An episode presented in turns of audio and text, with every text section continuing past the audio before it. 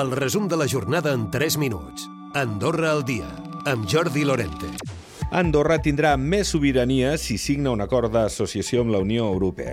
El cap de l'executiu, Xavier Espot, ha reiterat que si el país vol tenir un futur viable ha de signar aquest acord amb la Unió Europea, ja que li permetrà tenir això, més sobirania que fins ara. Per exemple, diu que es podrà continuar controlant la immigració.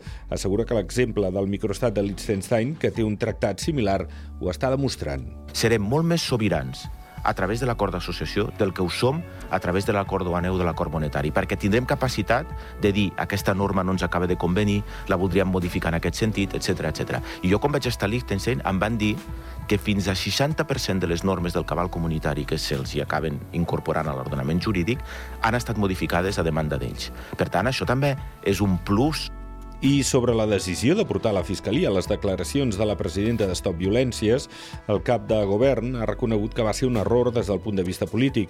Tanmateix defensa que l'executiu havia de protegir la imatge dels empleats públics del que considerar difamacions. I el govern no reconvertirà allotjaments turístics en lloguer, en aquest cas residencial i a curt termini.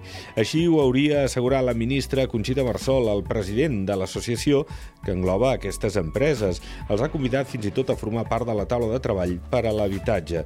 Des de l'associació entenen la moratòria de dos anys a la concessió de cap tipus de nova llicència turística, però demanen que almenys deixin treballar les que ja estan donades sense posar més dificultats i Consum iniciarà un expedient sancionador contra Dorsi, aquesta clínica de medicina estètica. A més, els 14 pacients afectats, que es van quedar a la meitat del tractament a causa del tancament sobtat de la clínica, els interposaran una demanda per danys i perjudicis.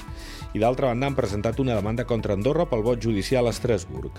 L'ha impulsada l'advocat que va presentar el primer recurs pel sistema de vot després de les eleccions generals, malgrat que el Tribunal Constitucional no va acceptar un recurs d'empara empara. Considera que s'ha vulnerat el dret a unes eleccions amb garanties pel que considera funcionament irregular del vot a la Vallia i els alumnes de sisè de primera ensenyança rebran per Nadal el joc de l'Oca de la Casa de la Vall. Ofereix als infants un recorregut a través de la història del país i del Consell General, amb la finalitat d'apropar-los al funcionament de les institucions. N'ha parlat el síndic general, Carles Ensenyat.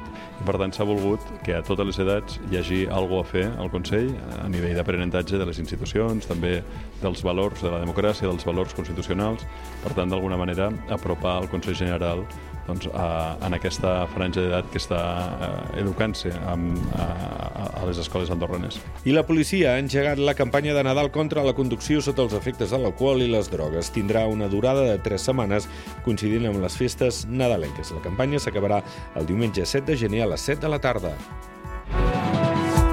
Recupera el resum de la jornada cada dia a AndorraDifusió.d i a les plataformes de podcast.